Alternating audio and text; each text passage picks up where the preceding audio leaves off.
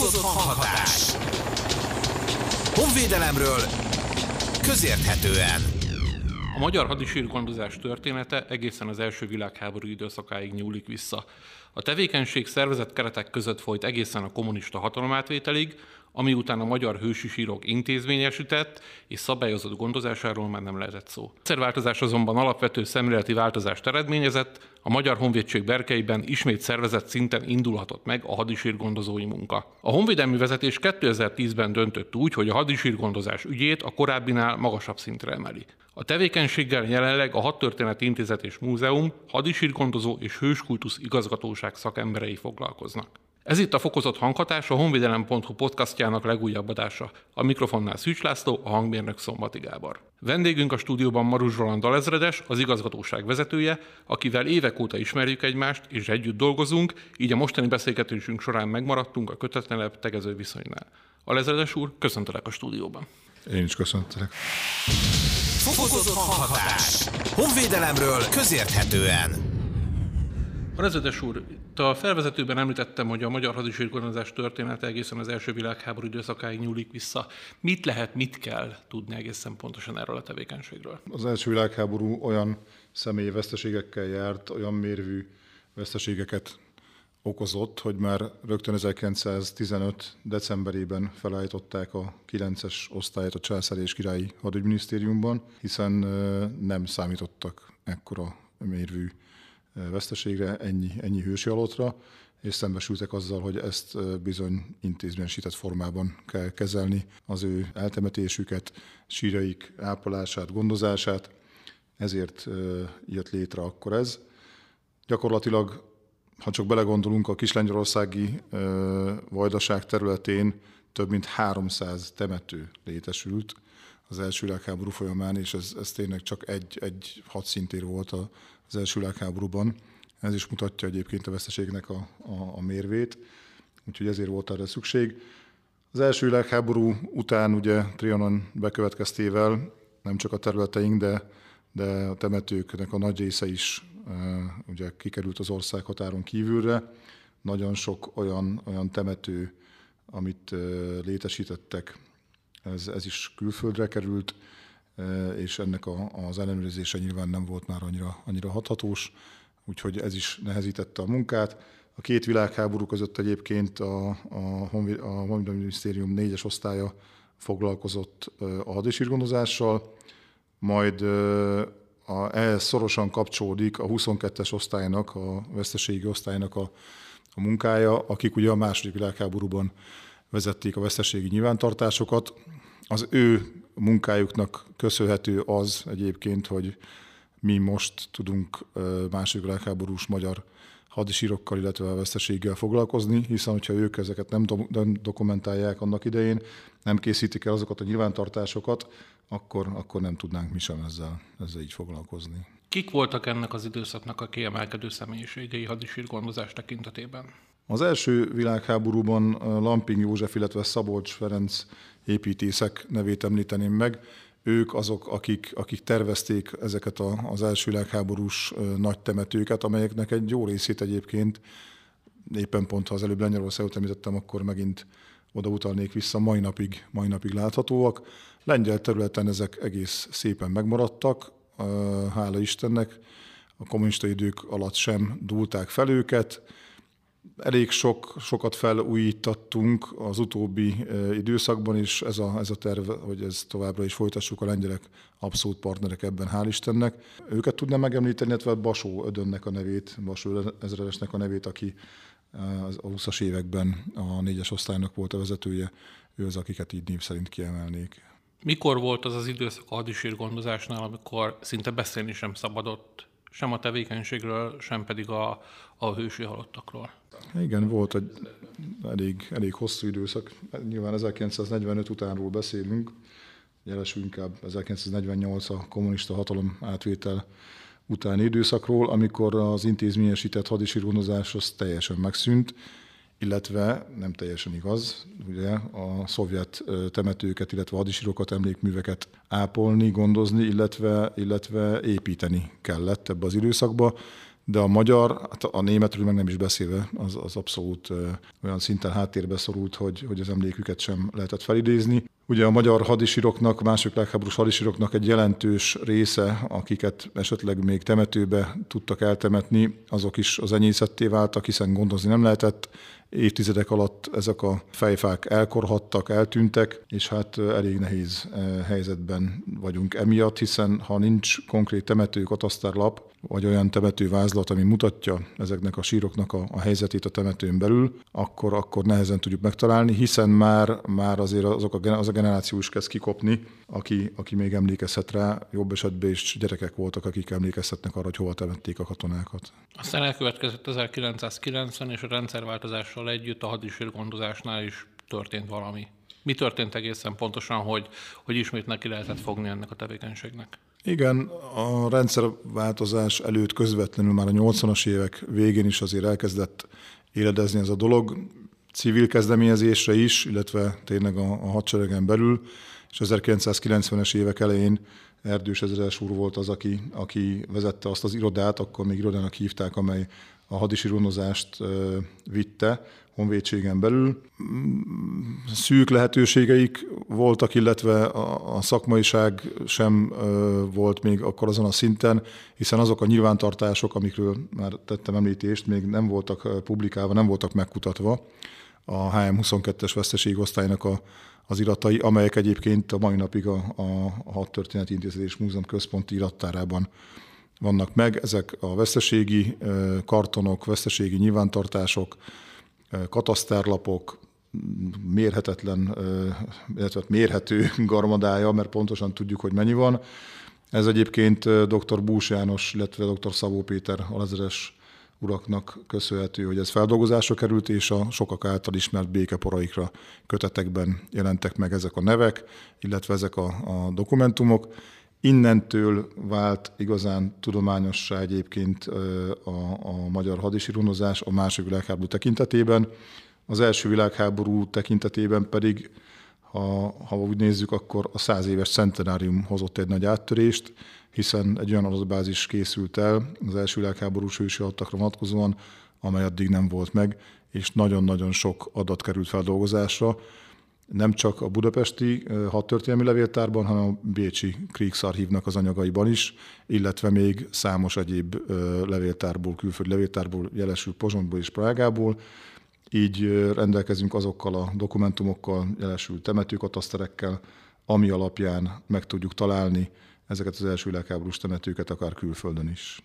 És elérkeztünk 2010-ig, amikor ismét egy jelentős, mondjuk úgy, hogy fejezet kezdődött a, a magyar hadisírokondozás életében, hiszen a honvédelmi vezetés döntése értelmében ettől az évtől a korábbinál is magasabb szinten kellett, hogy foglalkozzon a Magyar Honvédség a hadisírgondozás tevékenységével, és ugye itt önálló szervezeti elemek is jöttek létre, hogyha jól emlékszem, ennek a munkának a folytatására. Igen, akkor a miniszter úr úgy döntött, hogy beemeli a Honvédelmi Minisztériumba a hadisírgondozást, és egy, egy önálló szervezeti egység jött létre, később főosztályként működött tovább, ez 2010-15 közötti időszak. Nagyon sok olyan dolog történt abban az időszakban egyébként, ami, ami, ami kiemelkedő a hadisírundozás történetében, és egy kicsit átevezhetünk egyébként a, a, a hőskultusz, hőskultuszra is egyébként, hiszen ez nagyon sokszor összefügg, olyan kiemelkedő katonákat, katonahősöket is kutatunk, akik a honvédség, illetve a magyar hadtörténet szempontjából fontosak, és a kettő egyébként teljesen összefügg, például Vitéz Barankai József rohamtüzér százados személyében, aki, aki hősjól áthalt, és emellett egyébként megkapta az egyik legmagasabb magyar katonai kitüntetést, a magyar tisztéremítésére 1944-ben. Őt is megtaláltuk, hazahoztuk Ukrajnából, úgyhogy ez egy, egy kiemelkedő eseménye volt a, a, annak az időszaknak. Fokozott hanghatás. Honvédelemről közérthetően. Térjünk el jelenleg, hogy néz ki jelenleg ez a tevékenység Magyarországon. Ugye a felvezetőben említettem, hogy a HM Hadtörténeti Intézet és Múzeum Hőskultusz, hadisírgondozó és Hőskultusz igazgatóságának szakemberei foglalkoznak ezzel a tevékenységgel, de nézzük egy kicsit részletekbe menően, miből áll ez a tevékenység egészen pontosan? Én mindig azt szoktam mondani, hogy a hadisírgondozás egy, egy roppant komplex feladatrendszer, hiszen ilyen, ilyen oktatás mondjuk az egyetemen nincsen nyilvánvalóan. Tehát hadisírgondozókat nem képeznek sem középszinten, sem, sem felső szinten. Ez egy, egy elméleti tudást igénylő, ugyanakkor gyakorlati feladat, rendszer, hiszen ismerni kell a korabeli vonatkozó levéltári forrásokat, azokat a, a könyvészeti forrásokat, anyagokat, amik, amik érintőlegesen érintik ezt a területet. Értem ez alatt az első, a második világháború magyarországi hadtörténetét, kiemelten azokra a csatákra, egyébként ütközetekre, azokra a hadszínterekre, amelyekkel foglalkozunk. Tehát itt tényleg a levéltári forrásokat is említettem, az elengedhetetlen, hogy tudjuk azt, hogy hova nyúlunk. Tehát ha, ha egy kutatást elkezdünk, akkor annak az illetőnek, aki ezzel foglalkozik, pontosan tudnia kell, hogy arra az időszakra vonatkozóan melyik levéltári fond vonatkozik, hova kell fordulnia, esetleg melyik szakembert kell megkeresni, melyik kollégát a levéltárban, vagy a központi irattárban. És mindezek mellett ugye van egy gyakorlati tevékenysége is, ez, ha azt nézzük maga az exhumálás például, amikor konkrétan meg kell fogni az ásónak a nyelét is, el kell kezdeni ásni, és megtalálni azt a, azt a katonát, akit keresünk. Azt követően pedig a legérdekesebb része pedig nyilván maga, maga a beazonosítás, hogyha ha erre van lehetőség. Tehát azért mondom, ez egy nagyon, nagyon komplex feladat. Vannak törvények, amelyek ezt a tevékenységet szabályozzák? Vannak jogszabályok, amelyek előírják, hogy mit kell csinálnatok, amikor éppen kim vagytok egy területen és kutat? Abszolút mértékben, hál' Istennek. Ez elég jól szabályozott terület az 1999 évi 43. törvény temetkezésről, temetőkről temetkezésről szóló törvény az, amely, amely alapvetően szabályozza. Ez 2012-ben sikerült módosítatni ezt, ezt a törvényt, és ekkor emeltük be a hősi temetkezési helyek fogalmát, illetve a, a, a hősi alottakra vonatkozó, vonatkozó részt kvázi az azt jelenti, hogy a hősi temetkezési hely az, az védetté vált, tehát örök időkre védett, nem kell megváltani a, a temetkezési helyet, tehát, illetve nem kell utána fizetni.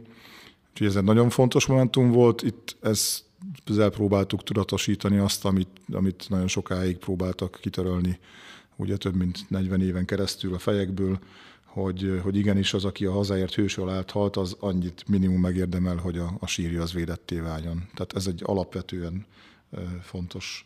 Nagyon sok más egyéb jogszabály is van egyébként, de, de ezt, ezt tartom a legfontosabbnak, illetve van még egy belső jogszabály, a 41 per 2021-es hámutasítás, ami a hadisíronozással kapcsolatos ágazaton belüli feladatmegosztásról szól. Értem ez alatt, hogy mi a, a feladata a HM nek, illetve a, most a, a, hadi, a Történeti Intézés Múzeumnak, amely a hadisírgonozással foglalkozik, illetve az MH oldal, tehát a Magyar Honvédség hogyan tud ebbe bekapcsolódni. Mi történik akkor, hogyha első világháború előtti időszakból találtok földi maradványokat, gondolok itt akár a szabadságharc időszakából, vagy még korábbi időszakból. Van valami választóvonal, ameddig nektek kell foglalkozni ezekkel a földi maradványokkal, és utána pedig már a régészet teszi ugyanezt. Igen, hát 1711 az a korszakhatár, ameddig a, a régészek joghatósága fennáll. A gyakorlatban egyébként ez nagyon ritkán fordul elő, meg kell mondjam, tehát mi tényleg leginkább a, a 20. századdal foglalkozunk, hiszen eleve nekünk ez a célterületünk az első, illetve a második legháború, valamint amikor beérkezik egy, egy, egy bejelentés, nagyon sok ilyen van egyébként építkezések, útépítés, bármi földmunka során olyan emberi maradványok kerülnek elő, amely, amely katonára utal, az akkor általában az zömmel 99%-ban az, az mind második világháború. De 1711 egyébként a korszakhatár, tehát a fölött mi foglalkozunk, az alatt pedig a, pedig a régészek. Hogy kérdezzek vissza arra, amit előbb mondtál, ezt a, ha érkezik egy bejelentés. Ö, igen, tételezzük fel, hogy valaki valahol földi maradványokat talál. Mit kell tennie, mit ír elő a jogszabály, hova kell fordulnia, kiket kell hívnia, egyáltalán hogyan néz ki ez az egész folyamat? Alapvetően, hogyha valaki olyan csontmaradványokat talál, ami, ami emberi eredetű, akkor a, rögtön a rendőrséget, tehát ez az első. A rendőrség pedig, ami után kiszáll és megállapítja, hogy ezek vélhetően eh, katona személynek a, a földi maradványok, akkor minket, minket értesítenek. Tehát ez már egy nagyon jó ö, begyakorlott dolog. Elég sokan ö, tudják is egyébként már így az állampolgárok, tehát állampolgári bejelentés is van rengeteg, de leginkább az, amikor tényleg építkezésről, ez heti rendszeresség gyakorlatilag. Tehát tavasztól őszig a kollégák ö, majdnem hetente szállnak ki. Most legutóbb például Székesfehérváron voltak, ott két szovjet katona került elő, azelőtt Debrecenben voltak, ott, ott magyar katonák, de mondom, a, a, az útépítéstől kezdve a legkülönbözőbb földmunkákig ez előfordulhat, és ugye, az említettem a szovjet katonákat, nyilvánvaló egyébként, hogy nem tudják ott akkor még, hogy milyen katona kerül elő, kollégák kiszállnak a felszerelésekből, megmaradt felszerelési tárgyakból, egyenruházatból megpróbálják először a nemzetiségét megállapítani. Tehát az, az alap, Ettől függetlenül egyébként, hogy milyen nemzetiségű, ugyanúgy elvégezzük az exhumálást, a feltárást, ugyan szakszerűséggel, és elhozzuk onnan a maradványokat, hiszen ez veszélyeztetett helyen van. Ez az alap egyébként. Tehát, hogyha veszélyeztetett helyen van egy, egy, egy sír is, amiről tudjuk, hogy, hogy ott van eltemetve a katona, akkor azt megpróbáljuk egyébként mi magunk exhumálni minél hamarabb. De ha folyamatban lévő építkezés van, akkor ott azonnal kell lépni. Tehát ott, ott rögtön indulnak ki a kollégák, megtörténik az exhumálás, behozzuk a földi maradványokat, illetve a sírmellékleteket, és az alapján próbáljuk meg további beazonosítást elvégezni. Ez általában csak a magyar katonáknál sikerül, ha van olyan sírmelléklet, ami alapján tudjuk ezt elvégezni. Ha a külföldi katonák németek, szovjetek kerülnek elő, akkor vannak olyan együttműködési megállapodások az adott nemzeteknek a hadisírgondozó szervezeteivel, amelyek úgymond köteleznek benneteket arra, hogy ezeket a maradványokat átadjátok nekik? Abszolút. Kilenc állammal van egyébként hadisírgondozó kormány megállapodás, köztük egyébként ugye a, a mai Oroszországgal, aki akik a, a, a szovjet katonáknak a, a sorsával foglalkoznak, úgymond, illetve, illetve Németországgal is. A, a németekkel az a gyakorlat, hogy nekik van egy olyan exhumátoruk, mondjuk úgy, aki, akit itt foglalkoztatnak Magyarországon. Ő szokta átvenni tőlünk, ha, ha mi exhumek, de nagyon sok esetben egyébként a felmerül ugyan, hogy német katonáról van szó, akkor már eleve velünk kiszáll az illető, és akkor már ő viszi el a németek maguk gondoskodnak az eltemetésükről, leginkább a budaörsi német-magyar katonatemetőbe, ugye ez egy hatalmas temető, több mint 15 ezeren vannak már ott eltemetve, hozzáteszem majd 700-698 magyar katona is ott alussza örök álmát, amíg nem volt központi temetőnk, addig oda temetkeztünk, de majd erről még beszélünk később. Ha szovjet katonáról van szó, akkor pedig az orosz nagykövetséget tájékoztatjuk, és egyszer egy évben szállítják el a, a szovjet katonák, katonáknak a földi maradványait, és a fiúmeti sírkertben temetik el, ott van egy hatalmas szovjet parcella, oda, oda helyezik el őket, ott temetik el. Megint csak visszakérdeznék, amit előbbre utal, előbbit utaltál rá, hogy kicsit később beszéljünk a magyar központi temetőről, bocsánat, hogyha nem fogalmazok teljesen pontosan. Ugye ez szintén a Fiumei úti nemzeti sírkertben található, és nem is olyan túl régen adták át a, a használatnak, ha lehet így mondani. Így van. A felújítás után adták át a használatnak. Egyébként 2000, 2000-es évek elején már ez a honvédségnek a használatában volt, de alapvetően akkor még az volt a cél, hogy ide temetsék a Magyar Honvédség halottait, illetve akik szolgáltesítés közben elhújnak, mert hősül áthalnak esetleg azoknak a, a maradványi, földi maradványi kerülhetnek ide. Később 2010 után jött az a gondolat, hogy ez a terület jelesül a Fiumőti Nemzeti Sírkert 52-es parcellája lehetne, most már nem is feltételes módban, hanem ez lett, az a központi magyar katonai temető, ahová a hősi halottakat el tudjuk temetni, hiszen ahogy az előbb említettem, nagyon sok bejelentés van, nagyon sok katona kerül, de nem csak ilyen esetekben, hiszen mi célzott feltárásokat is végzünk. Ugye éves terv alapján, amit a, az előjáró a parlamenti államtitkár úr hagy jóvá, végezzük ezeket a feltárásokat, és mondhatni, hogy 100-200 katona, magyar katona kerül elő évente. Ezeknek az eltemetésről, méltó eltemetéséről pedig gondoskodnunk kell, és ők is az 52-es parcellába kerülnek. Ezt minden egyes megtalálás után egy temetés van, vagy évente meghatározott időpontokban szoktátok ezeket a temetéseket végezni? Nem, hát ez, ez ugye úgy néz ki, az a protokollja úgy mond, hogy megtörténik az exhumálás, a feltárás, akkor behozzuk a, a maradványokat, utána ennek még van rengeteg munkája, tehát ö, megpróbáljuk azért őket csúnya szóval élve összerakni, anatómiai rendben a csontvázat egyébként, esetlegesen sérülést megállapítani. Ez miért fontos? Azért fontos, mert hogyha ha későbbiekben a kutatás során olyan sérülés nyomot látunk egyébként a, a csontvázon, ami, ami utalhat arra, ami mondjuk a veszteségi dokumentumokban szerepel a sebesülését, halálát illetően, akkor, akkor lehet, hogy be tudjuk azonosítani.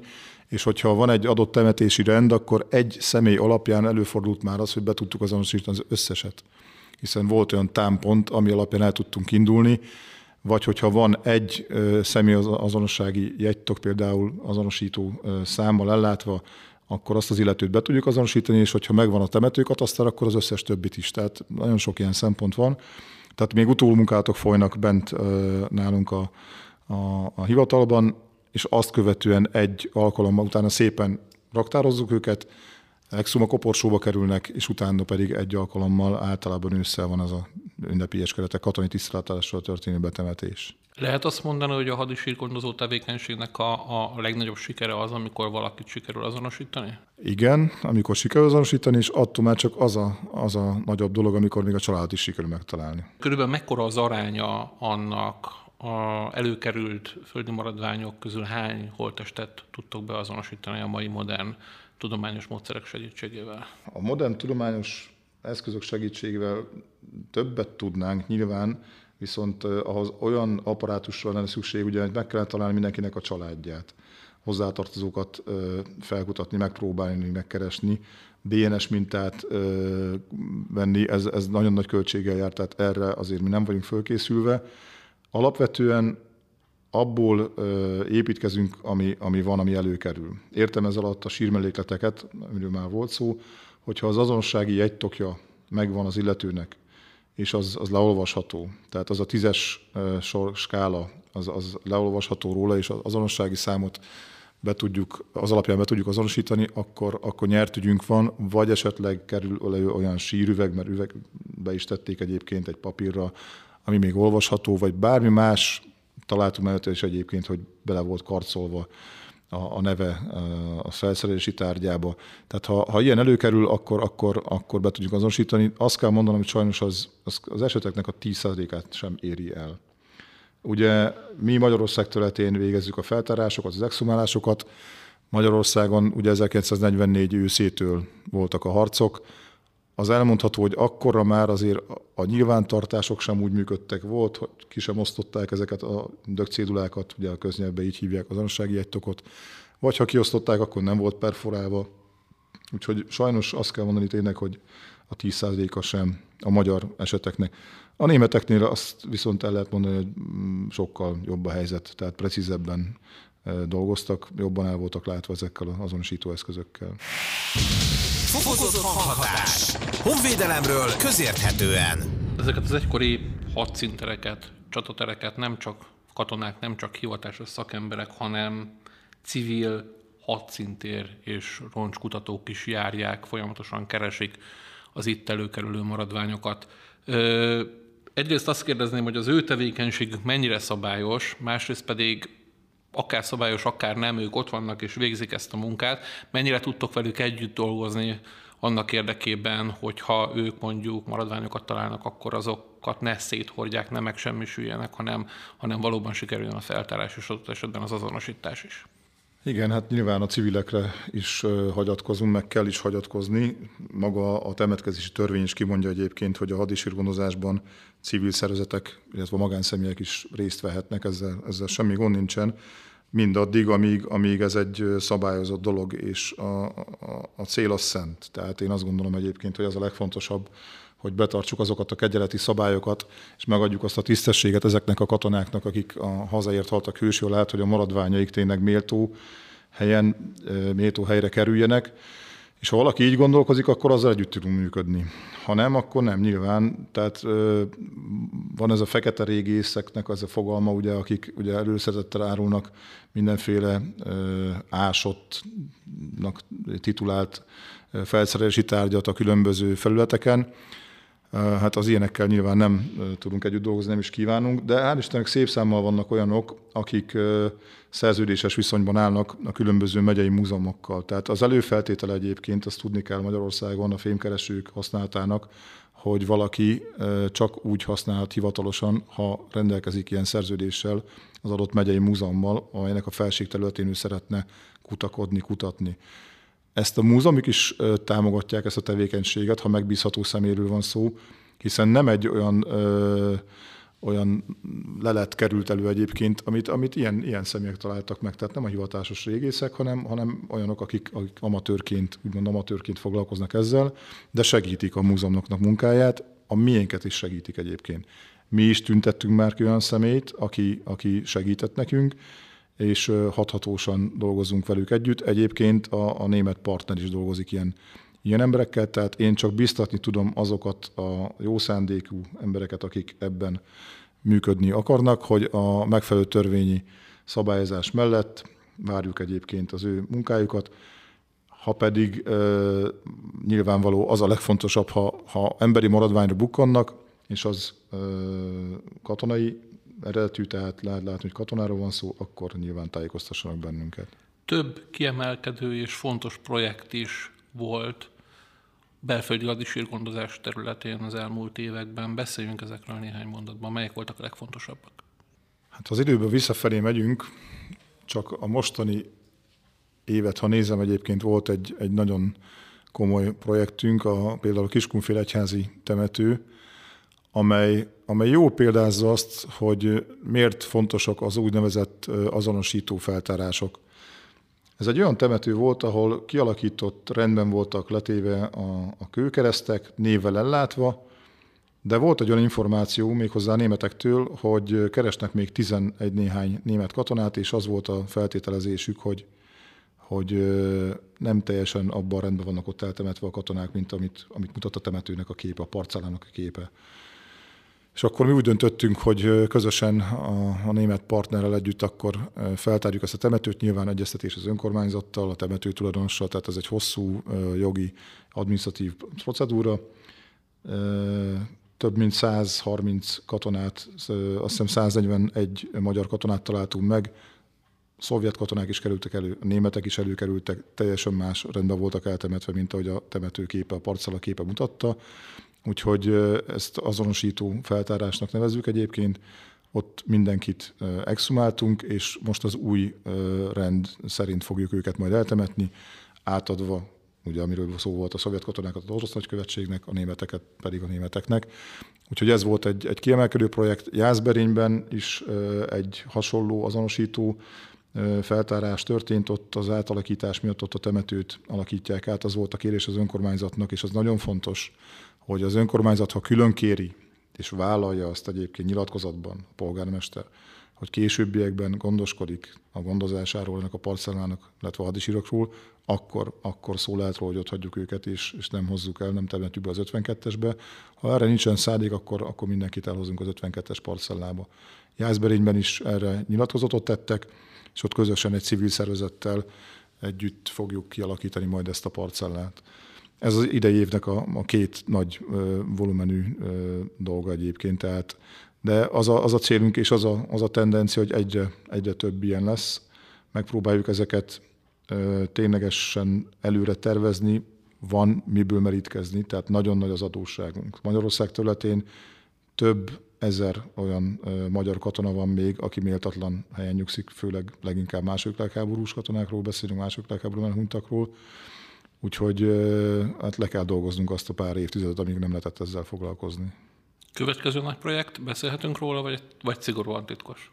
Szigorúan titkos nincsen nálunk, de nem mindenről beszélünk, mert ezzel akarjuk azért megóvni azokat a területeket, ahol majd dolgozni akarunk, úgyhogy nem mondanék így előre. Az biztos, amit, amit elmondhatok egyébként, ami elmaradt idén, de azt majd mindenképpen meg fogjuk csinálni, szintén a német partnerrel a Bajai hadifogoly tábornok a temetője, ott egy építkezési területté válik, és ott azt fel kell tárni, az egészet több mint ezer emberről van szó, vegyesen, ott, ott nem csak magyar katonák vannak, munkaszolgálatosok is vannak, nagyon sokan egyébként, őket nyilván nem lehet ott hagyni, ezt majd fel kell tárni, de az ő jövő esztendőnek lesz a feladata.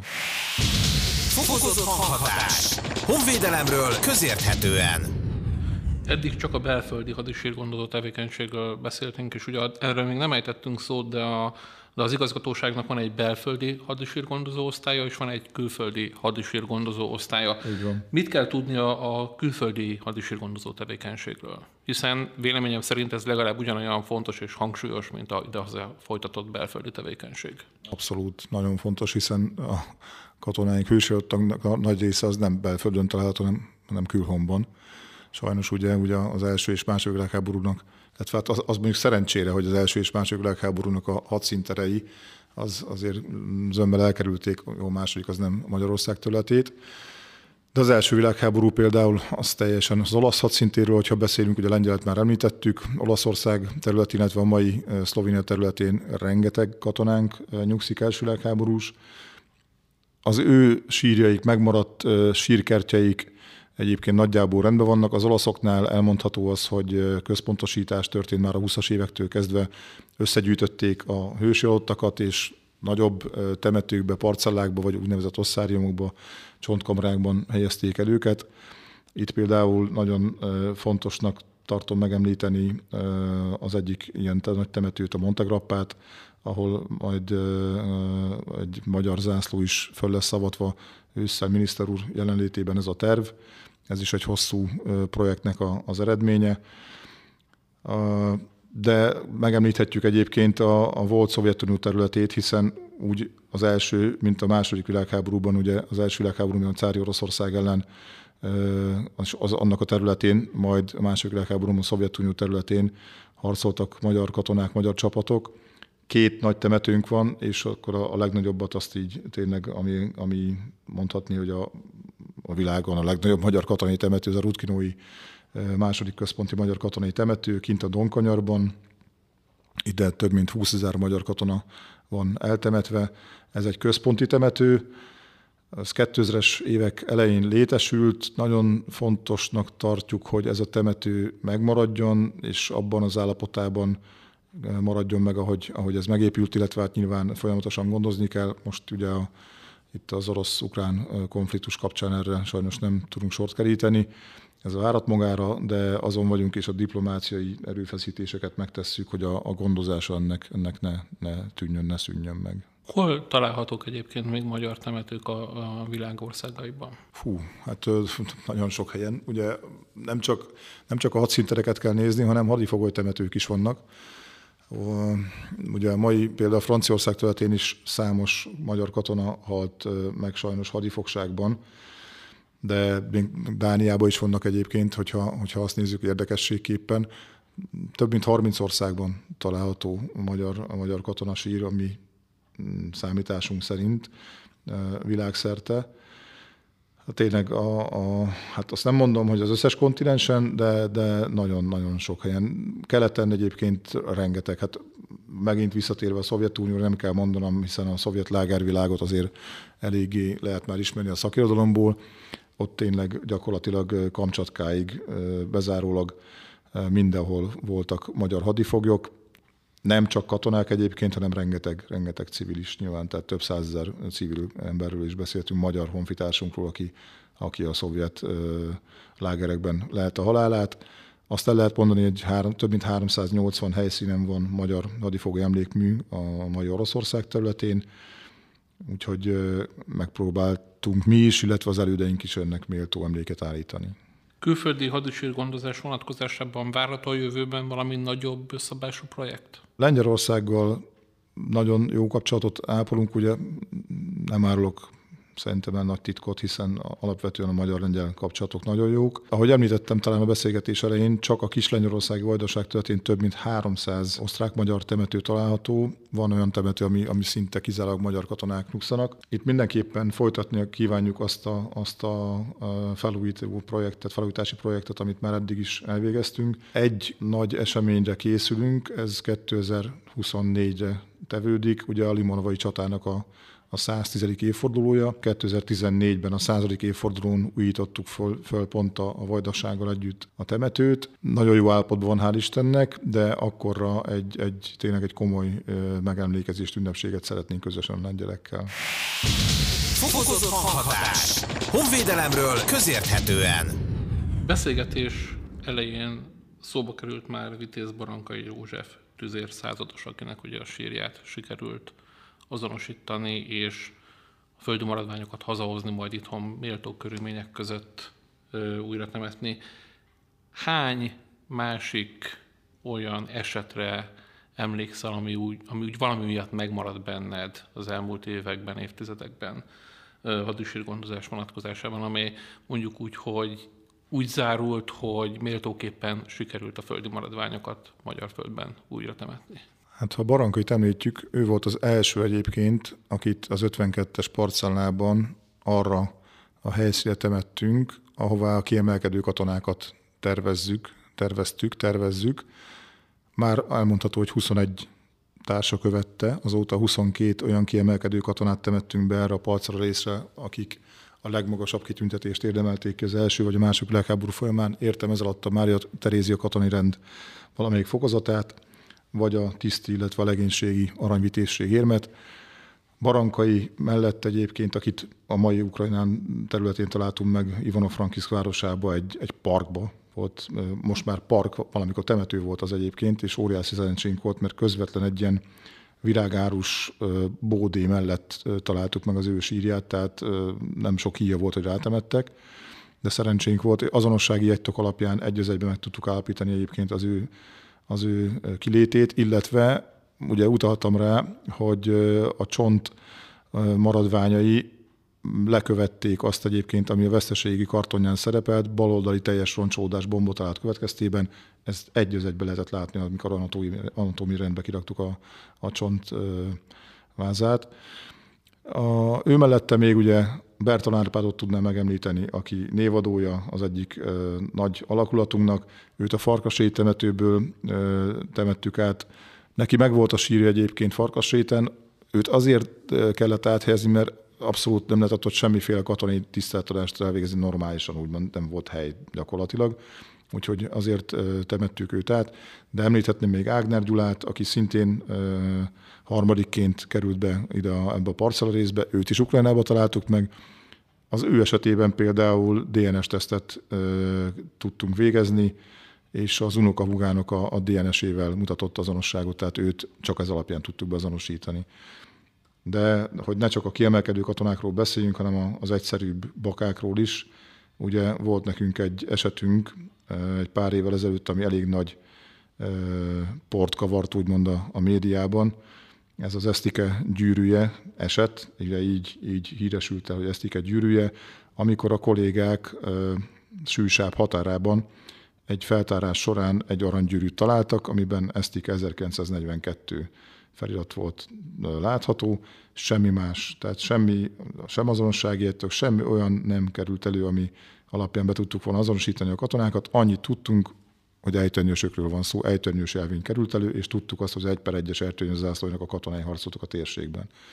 És egy felhívás kapcsán, amit a Honvédelmi Minisztériumnak a, a közösségi, közösségi igen, igen, igen, közösségi média felületén tettek közzé. Ezután jelentkezett egy család, akiről kiderült, hogy éppen pont abban az időszakban harcolt és tűnt el ott az ő rokonuk 1944. november 17-én, ami alapján sikerült, és az ő feleségét Eszternek hívták, és ez alapján sikerült őt beazonosítani, e, és a családja haza is e, kérte, hogy szállítsuk haza, és ott temettük el egyébként Füzes gyarmaton katonai tiszteletadás mellett az ő földi maradványit. Azt hiszem ez volt az egyik nagy, e, mondhatom így, nagy pillanat a hadisírónozásnak, de ténylegesen a család is mélyen meg volt hatódva, hiszen a lánya még élt, aki soha nem látta ugye az édesapját, akkor egyesztendős volt, amikor, amikor az édesapja eltűnt, és utána, utána mégis hazatalálta ez a tizedes. Igen, Nagy, Nagy Endre tizedesről beszéltél. Igen, ugye, igen, igen, most igen. az a kérdés fogalmazódott meg bennem itt ezt a történetet hallva, hogy azért a közösségi médiának a szerepe akkor ezek szerint úgy tűnik, hogy a hadisírgondozásban is felértékelődik? Abszolút mértékben. Hát ugye kihat a, a világunkra, és hát mi is használjuk ezt a felületet. Tehát a hadisírgondozásnak is van egy ilyen saját felülete, de minden, minden olyat fel szoktunk tenni, amit, amit, amit lehet publikálni híreket is egyébként a, a külföldi andisíronozó szerzetektől is veszünk át híreket, hiszen a szakmai rész az nagyon érdekes számunkra, illetve hát ezt próbáljuk megosztani a, a nagy közönséggel, és a mi munkánkat is itt egyébként próbáljuk bemutatni a, az emberek számára. Volt még korábban egy fél mondatod, ami megragadta a, a gondolataimban, hogy hadisír gondozásra nem készítenek fel egyetemek szakembereket. Ki készít fel akkor hadisírgondozásra szakembereket? Ki a jó hadisírgondozó szakember? Hát mi magunk. Tehát mi végezzük azokat a, azokat a felkészítéseket, és mi is magunkat próbáljuk trénírozni, illetve tovább képezni. Mindig tartunk egyébként ilyen, rendszeresen tartunk foglalkozásokat. A tapasztalatokat kiértékeljük egy-egy feltárás, vagy egy-egy olyan munka, munka után, ami, ami, ami ezt fontossá teszi és az új kollégákat pedig mi, mi tanítjuk, mi oktatjuk. Alapvetően nyilván azért az nagyon jó, hogyha valaki mondjuk történelem szakos egyetemi végzettséggel rendelkezik, és van affinitása a 20. századi magyar hadtörténet iránt, tehát azt azért hangsúlyozom, történelem és vagy levéltáros hallgatókat várunk szívesen. Az baj egyébként, hogyha ha fizikai állapota az jó, mert mondom, itt tényleg meg kell fogni az ásó végét, hogyha arról van szó az ásó nyelet. Én magam is volt, hogy hogy beálltam a, a fiúkkal.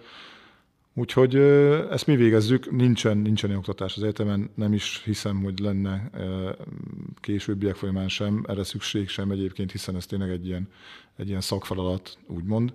Ezt mi el tudjuk látni, el tudjuk végezni, és a képzést is meg tudjuk oldani. Én viszont várom azoknak a fiataloknak a, a jelentkezését, akik ez iránt érdeklődnek, ha más nem, akkor önkéntes alapon próbáljuk majd meg őket bevonni ebbe a falatba, illetve egyetemmel, egyetemekkel van ö, megállapodásunk, így gyakornokokként érkeznek hozzánk ilyen fiatalok, úgyhogy ez a tevékenység remélem, hogy, hogy, hogy majd folytatódik tovább utánunk is. Jól értem akkor, hogy nem kis megszállottság azért szükséges ahhoz, hogy valaki is gondozó legyen ma Magyarországon. Hát ezt el is várjuk. el is várjuk, hiszen mi magunk is azért azok vagyunk valamilyen formában úgy, hogy ide csak olyan személy jelentkezhet. Nem mondom azt, nem, nem egyszerű feladat az egyébként tényleg. Ahogy említettem, egyrészt komplex dologról van szó, másrészt meg azért van, akiben van viszolygás így a, a, a földi maradványoktól, meg a halottaktól. Tehát azért, azért amikor az ember ott szembesül az árok alján, hogy, hogy az egy embernek a földi maradványa csontváza, tehát azt, azt ott ki, azt föl kell tárni, és azért úgy kell hozzáállni nyilván kellő tisztességgel, tehát ezt nem, nem mindenki tudja ezt csinálni. Hát meg kellő tisztelettel is. Így van, így van, az nagyon fontos. Arezetes úr, köszönöm szépen a beszélgetést, szerintem kiveséztük a gondozás témakörét. Köszönöm, hogy befáradtál hozzánk. Köszönöm szépen a lehetőséget.